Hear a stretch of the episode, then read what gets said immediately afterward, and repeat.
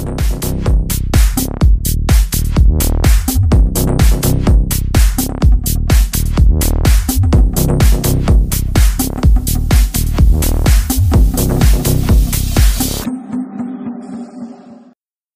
kembali lagi di podcast bola di channel ini. Di channel apa, Ren? Offside Media Net. Wuhu, bersama gue Rafli dan teman gue.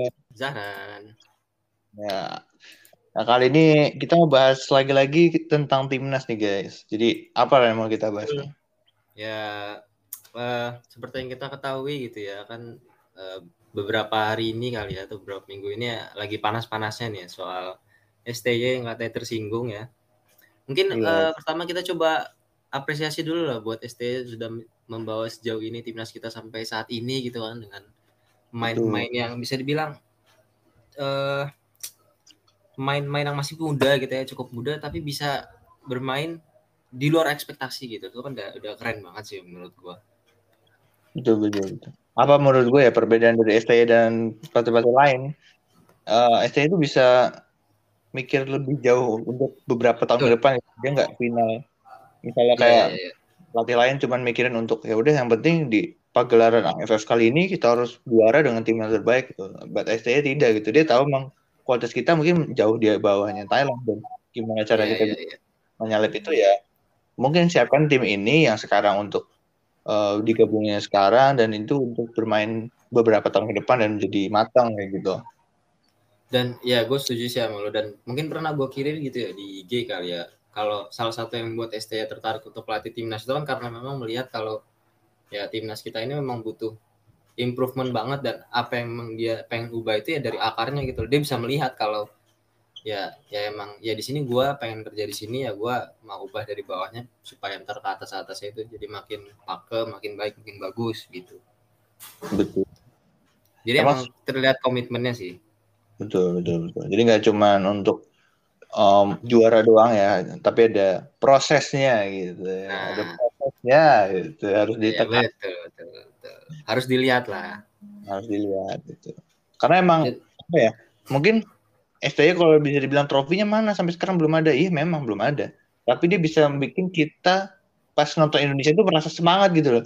Dan ini ya, ah, betul, betul. keren sih mainnya emang eh, bisa semangat juang tinggi.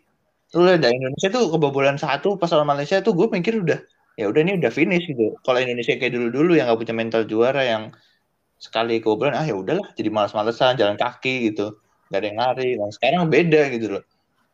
Iya, dan emang betul ya apa kita kan nggak nggak nggak perlu juga kita ngeliat stats gitu ya kan terlalu terlalu ribet dan terlalu kompleks gitu ya kalau kita harus lihat ke dalam situ maksudnya ya kita lihat aja dari apa yang yang terlihat di TV-TV layar-layar yang kita tonton gitu ya emang timnas kita benar-benar bermain dengan baik dan ya mereka memang berjuang gitu loh jadi Iya. ya begitu Karena statistik itu nggak bisa menggambarkan keseluruhan matchnya gitu loh dalam 90 menit. Tuh. Emang yang paling benar tuh kita tetap nonton ya. Mungkin kita bisa ngeliat statistik, bisa ngeliat highlight, extended highlight yang 10 menit, 12 menit. iya iya Tetap harus nonton 90 menit. Karena apa nih Betul, betul. contoh ya?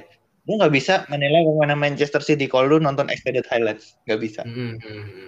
Bagusnya tuh bener-bener dari awal Iya, dari iya, iya. Karena emang benar sih, City itu ya semua tentang 90 menit itu gitu. Lu kalau mau lihat sepak bola yang atraktif ya nonton satu-satu match itu gitu. Nah, betul. Jadi kayak misalnya mungkin ya nonton Burnley atau Newcastle ya udah lu nonton extended highlights ya lu udah tahu gitu satu tim tuh mainnya kayak gimana. Betul, betul. Dan sekali lagi gitu ya, sepak bola itu bukan matematika gitu loh, satu tambah satu sama dengan dua. Jadi jangan jangan betul kata lo jangan dibandingin kalau trofi belum ada sekarang ya ya, ya emang belum ada gitu loh ya kan.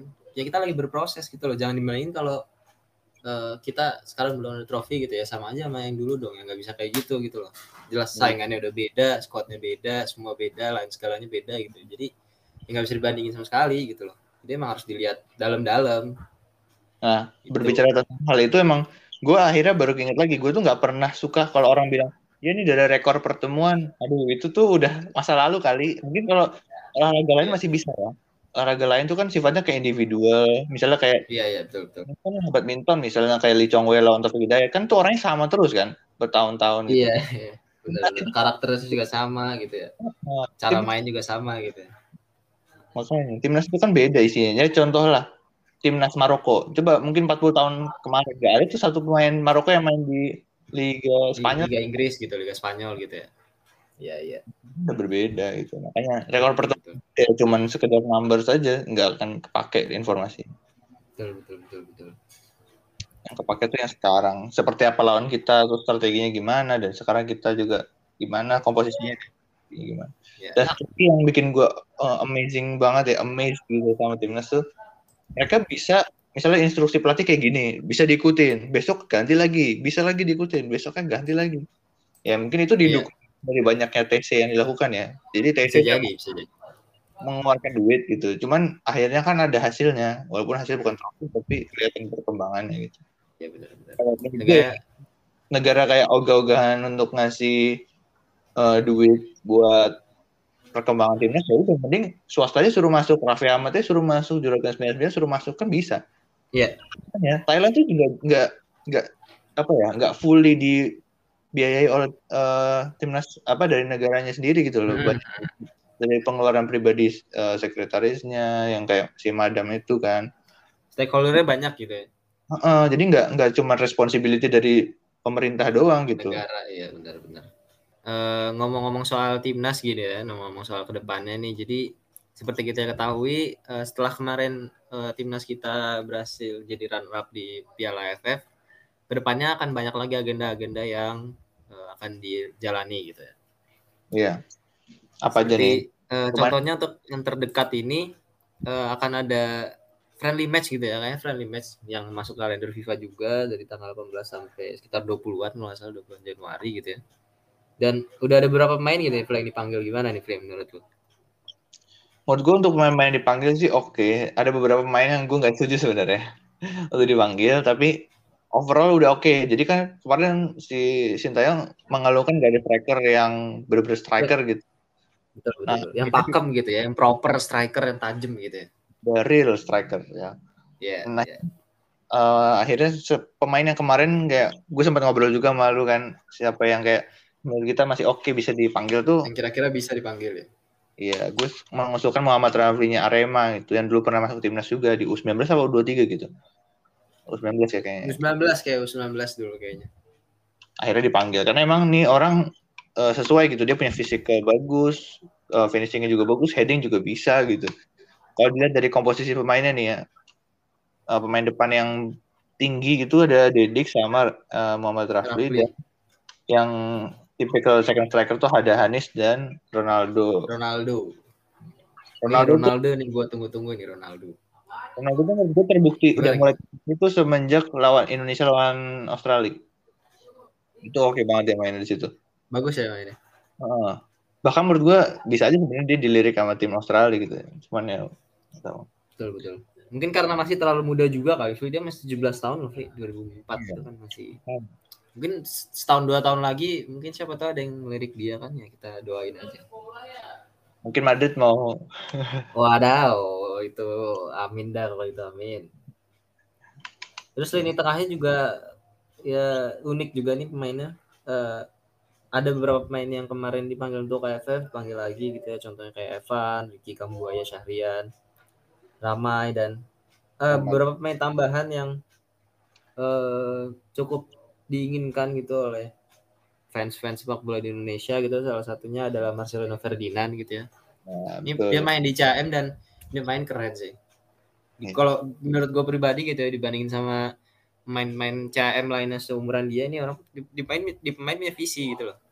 Iya. Visi ada, teknik ada. Jadi ya semoga bisa bisa bisa pakem lah di timnas, bisa benar-benar jadi pemain yang penting lah enggak benar-benar bisa kepake gitu loh. Soalnya emang sayang banget Pak dari semua atribut yang dia punya gitu kan. Dan ini ada andilnya juga menurut gua di Persebaya ya. Lihat permainan Persebaya deh. Iya, iya, iya, iya. Ya. ya, setuju, setuju, setuju.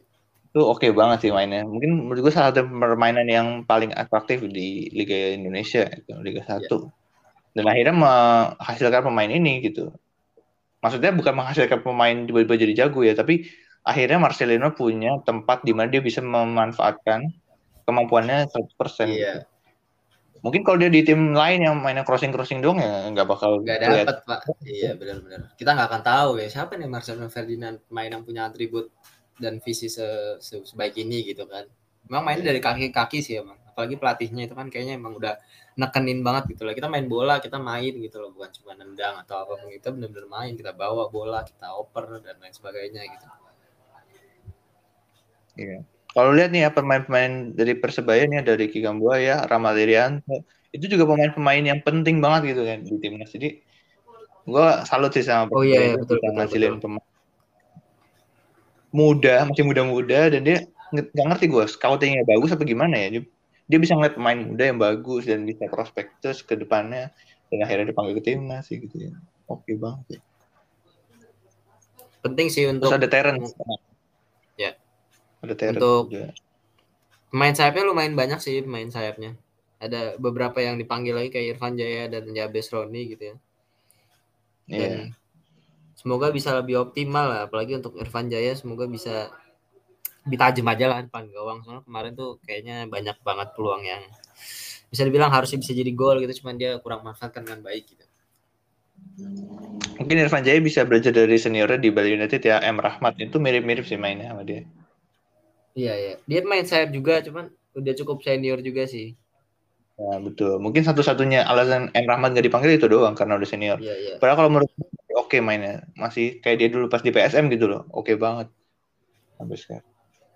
Dan ngomongin soal senior gitu ya, ini emang kelihatan ya emang tipikal pemain-pemain pilihan STY ini emang yang umur-umur umur-umur masih bisa dibilang muda tapi menuju menuju menuju usia-usia matang gitu, usia 25 tahun, 24 tahun bisa dilihat gak dari terlalu... pemain yang dipanggil gitu kan.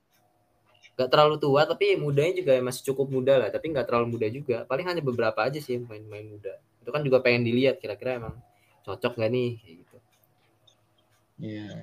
Dan pastinya nggak nggak lupa sama pemain-pemain senior juga ya kan. Nggak mungkin juga main muda doang sendiri dong. Pasti harus ditemenin sama pemain-pemain senior juga. Kan harus ada yang bisa memberikan arahan juga gitu.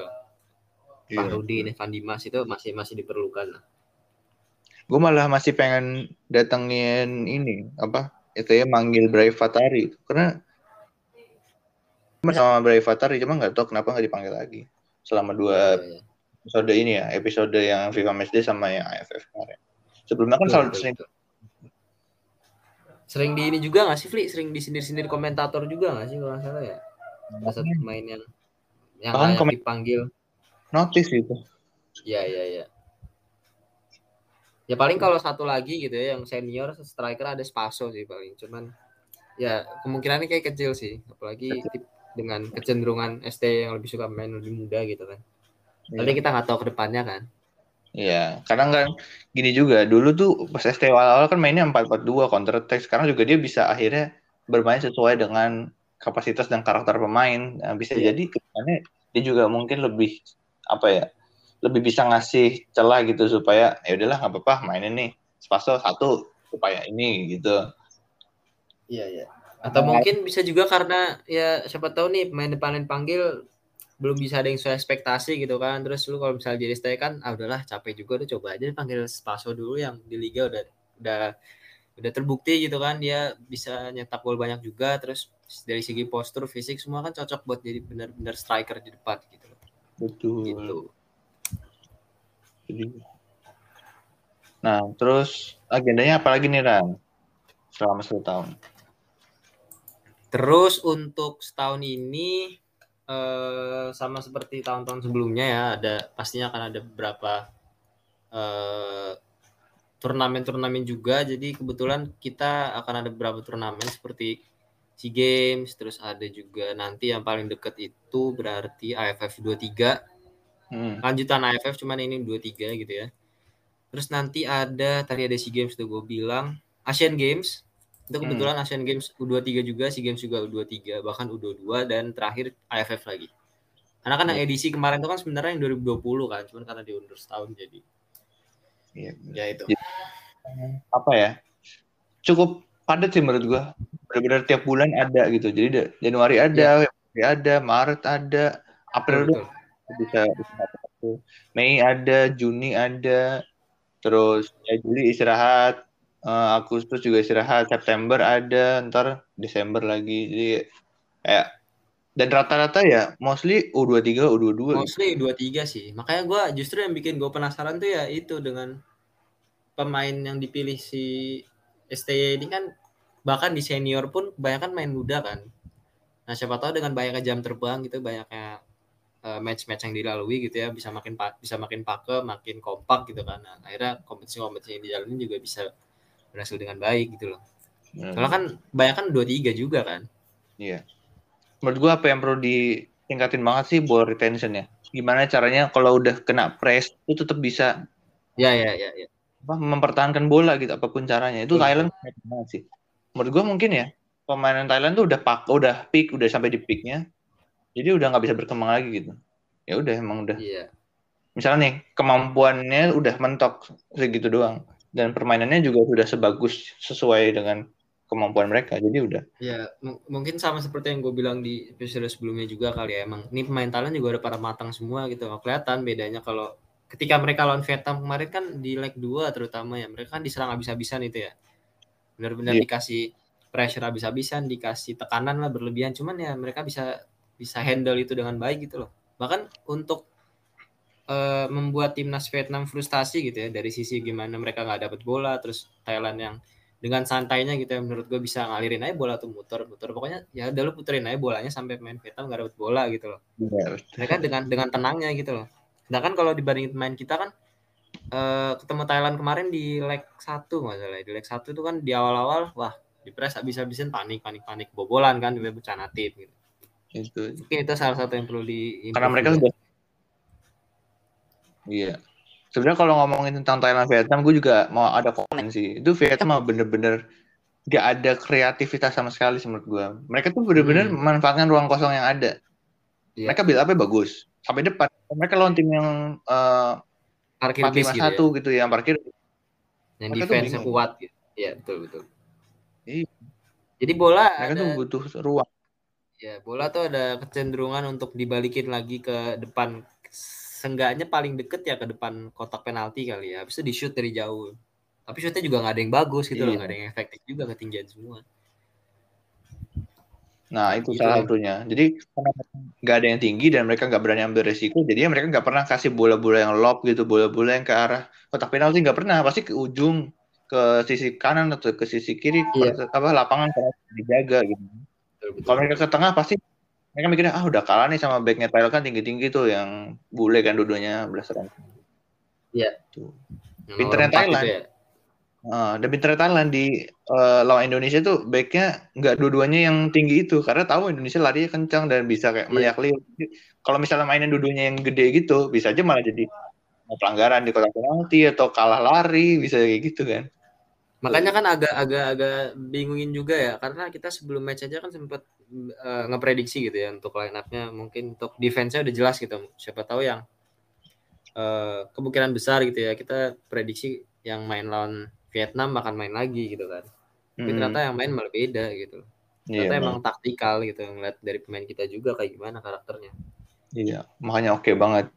Ya itu udah menurut gua hitungannya robust ya, udah kokoh gitu. Tim ini tuh udah kokoh sih Thailand itu. Hmm. Settle banget. Sedangkan Indonesia masih membangun.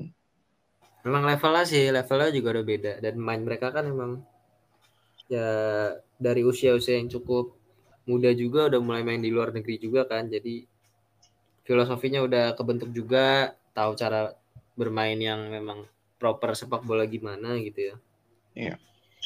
Makanya itu dia menurut gue emang harus didukung secara penuh sih. Nggak bisa kayak udah di tengah-tengah gini tiba-tiba ada suara sumbang yang mempertanyakan prosesnya gitu di timnas. Menurut gue ya kalau misalnya kayak gitu terus ya bakalan balik lagi ke timnas yang kayak dulu-dulu juga. Nggak ada. Iya iya. Betul betul betul. Ya udah berarti kita doain aja. Semoga timnas kita di tahun 2022 ini banyak hokinya dan bisa bang dengan jauh sehingga kita peringkatnya bisa naik di FIFA lebih tinggi dan pemain-pemainnya bisa banyak yang keluar negeri gitu. Yeah. untuk menimba ilmu itu oke okay banget gitu.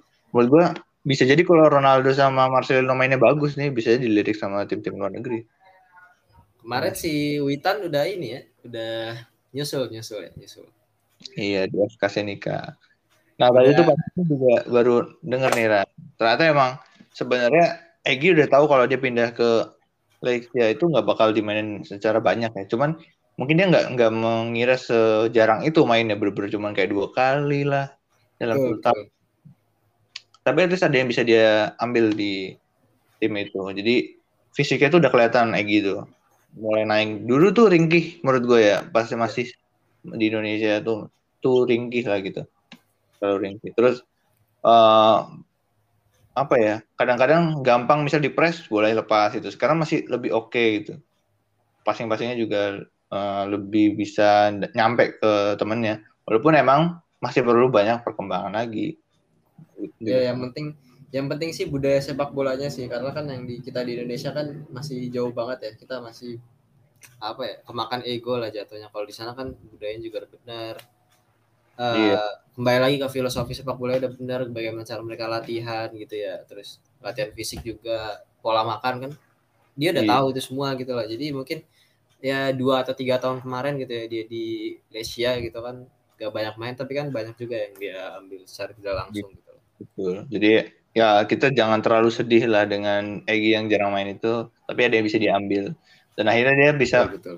makanya tuh ada juga kan tadi gue lupa uh, nonton di mana atau dengerin di mana ada yang komen juga sih coba Egi dulu nggak di Lecce bisa aja dia nggak di rekrut Senika dan bisa aja nggak nggak pernah kelihatan bahwa dia mainnya bagus di Eropa kayak gitu loh. Nah itu dia bisa jadi. Salah satu bisa jadi salah satu faktornya karena dia pernah main di Lecce juga.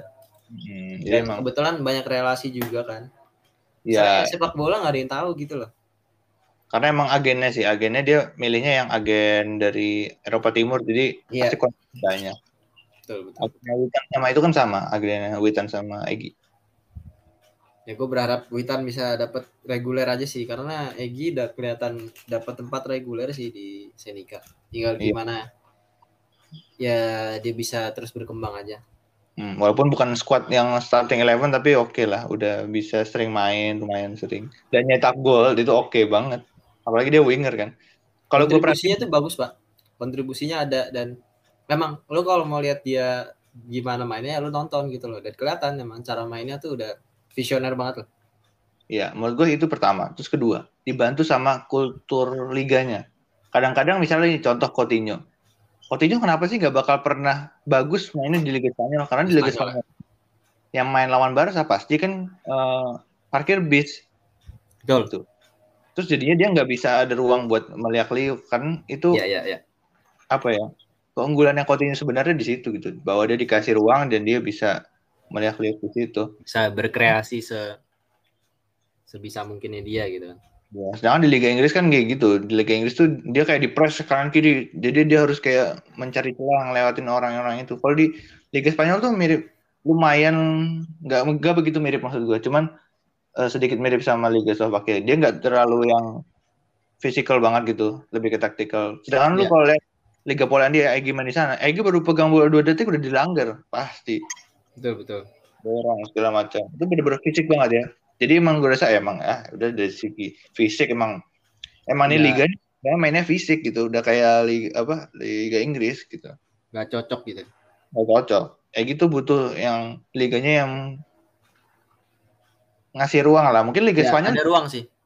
Ada ruang. Setuju gue ada ruang ya kayak bisa dimanfaatin dengan baik tuh, jadi percaya proses saja udah gini yeah. Egi sama Witan jalannya masih panjang di Eropa ya. Masih bisa. Kemarin tuh yang yang yang unik tuh ininya ya. Cara Senika tuh ngetis gitu ya kalau mereka mau datengin Witan ya WI gitu kan pelan-pelan gitu ya. Itu benar-benar bikin ini Indonesia netizennya langsung ini sih. Bahkan bahkan yang bikin gue lucu tuh banyak yang ngejok saja kan W keluar keluar gitu ya. Terus banyak yang di komen-komen kayak Weh, weh siapa nih Wilham Zamrun gitu kan kocak banget gitu. Wanggai, bang. Iya makanya Wanggai. Gue ngeliat, waduh. Netizen kocak-kocak banget gitu ya, ya gitulah. Emang kalau uh, tujuan Egi datang ke sana misalnya buat marketing, ya udah ini udah berhasil menurut gue. Iya, iya. Melakukannya dengan baik gitu. Dibandingkan pas dulu di Lecia. Di Lecia ya. Uh, ini lebih bagus. Dan lu lihat ya, postingannya Lecia, eh Lecia lagi. Postingannya Senika itu, sekarang udah bilingual. Ada yang bahasa Indonesia-nya ada yang bahasa iya iya benar-benar belum emang udah dipersiapkan secara matang itu rencana. Misal datangin orang Indonesia strateginya apa gitu buat marketing timnya. Dilakukan dan bagus. Coba kita lihat sekarang mereka sudah 148k loh followersnya. Sini kan ngeri banget terus tadi pagi nih gue baru ngeliat lagi. Oh 11 jam yang lalu. Jadi Egi perpanjang kontrak itu dibikin satu video sendiri. Oh iya? Iya. Itu cukup spesial sih menurut gue dari pandangan gue cukup spesial sih apalagi untuk main Indonesia kali ya. Iya makanya. Jadi dan dibikin satu video juga di YouTube gitu. Iya iya, iya iya. Keren keren keren. Emang kalau untuk marketing marketingnya gimana? Impactnya bagi Senika dengan adanya Egi menurut gue udah oke okay banget gitu karena mereka juga udah paham cara uh, memanfaatkannya ya. dari juga kelihatan Witan betul betul betul Dulunya kan eh gitu enam bulan ya? Ini kontrak iya, 6 bulan. Iya, iya, 6 bulan kalau nggak salah. Kan bahkan rumornya kemarin itu kan sampai akhir tahun aja kan. Karena sempat ada rumor-rumor iya. kalau dia nggak diperpanjang gitu kan karena uh, ya beberapa alasan kali ya, tapi akhirnya akhirnya diperpanjang juga gitu. Menurut gue aneh sih kalau dia nggak diperpanjang soalnya dia udah nyetak gol juga. Ya itu Iya, mainnya bagus, Pak. Turning pointnya dia. Mungkin kalau dia mainnya bagus tapi nggak ada assist dan nggak ada gol itu masih 50-50. Ini udah nyetak asis juga dan asis yang krusial kayaknya beberapa iya. laga dan dia bisa nyetak pertandingan gitu. Ya. Mm-hmm. Yang penting itu sebenarnya gimana cara bisa lu dapetin kepercayaan pelatih aja sih. Dan menurut gua Egi udah bisa dapetin kepercayaan pelatih Senika. Benar-benar. Karena dia nggak cuma sekedar main yang aji mumpung gitu loh emang. Kadang kalau main dari awal ya emang berarti dia dipercaya gitu loh. Kalau main dari subs ya emang kalau dibutuhin aja gitu emang. Secara taktikal lu lebih cocok buat mm-hmm. main di babak kedua atau gimana gitu. Jadi nggak yang Haji Mumpung tadi gue bilang. Gue rasa Egi misalnya pun mau bertahun-tahun di sini kan masih cocok sih karena lingkungan liganya mendukung nggak yang begitu fisikal yeah, banget yeah. masih pakai tactical masih pakai umpan-umpan pendek gitu istilahnya yeah, nih. Kalau misalnya mungkin kayak League One ini tuh kayak League Two gitu. Liga Kasta kedua Eropa gitu. Dan dan dari lingkungan dia juga kali ya teman-temannya juga kayaknya baik-baik juga gitu kan harmonis kelihatan mereka bisa bisa yeah. berkomunikasi dengan baik lah satu sama lain itu juga penting. Jangan kalau di Polda Polda itu kayak terlalu keras gitu menurut gua. Iya iya. Soalnya kan kalau dulu gitu ya permasalahan timnas eh bukan timnas kok timnas? Permasalahan pemain Indonesia banyak yang nggak mau keluar itu kan bukan karena mereka nggak mau secara emang nggak mau gitu ya atau emang gimana tapi ya homesick ada yeah ya takut aja gitu keluar dan homesick aja udah. Ketika udah sampai di luar pengen balik sini gitu. Jadi penting untuk mendapatkan kenyamanan juga. Setuju oke sih. Menurut gue nggak ada salahnya di Liga Slovakia. Agak lama mungkin iya. dua tiga tahun ke depan dan nanti kalau dia beruntung bisa dilirik sama liga-liga yang bagus ya. Gue berharap bisa main di Champions League sih. Nah. Seenggaknya seenggaknya Europa League lah atau enggak yang Conference League itulah. Ya kan? Gue nggak tahu soal kalau Liga Slovakia tuh masuk gak tuh. Kalau Lechia tuh masih masih ikut. Polandia yeah. tuh masih ikut kualifikasi soalnya setahu gue kalau Slovakia gue tahu dah. Lupa. Iya. Yeah. karena itu mimpinya Igi kan salah satunya main di Champions iya, League. jadi main pertama ya Indo pertama. Keren sih itu sebenarnya kalau untuk Asia Tenggara udah ada Dion Kuls, kan Dion ini ya apa naturalisasi kan nggak ini iya naturalisasi bukan yang benar-benar orang dari negara antah berantah yang emerging ke liga yang bagus. Sandy Sandy Walsh pun kalau entar jadi naturalisasi pun udah pernah di main Europa League ya. Iya. Iya pernah. Iya, ya. Iya. Pride-nya kan beda. Kita sebagai eh, warga negara juga ya beda lah kalau emang yang emang asli lahir Indonesia gitu kan sama yang naturalisasi. Oke banget sih. Ya gitulah, Fli. Tunggu saja ya untuk main-main timnas ini kita doain aja guys, disemangatin terus, di dukung terus di tim misalnya pun pindah dari Senika tetap diramein postingan-postingan yeah. timnya. Setuju banget. Kita lebih kayak oh ya ini ada impactnya nih, at least untuk dalam segi marketing kita bisa bantu di situ teman-teman. Gitu guys. Oke oke oke. Oke gitu aja kali ya supaya tidak Yoi. terlalu ya, berlama-lama lagi tentang timnas. Ya, kita sangat kepo nih untuk melihat timnas dalam satu tahun ini 2022 ya. yang uh, agenda ya mudah-mudahan kita bisa cukup perkembangan yang pasti. Gitu. Baik, betul, betul, betul. Oke, kalau gitu sampai sini saja perjumpaan kita di episode kali ini. Gua Rafli pamit. Gua Zaran pamit. Sampai jumpa di Sampai ketemu selanjutnya. Yo, bye bye.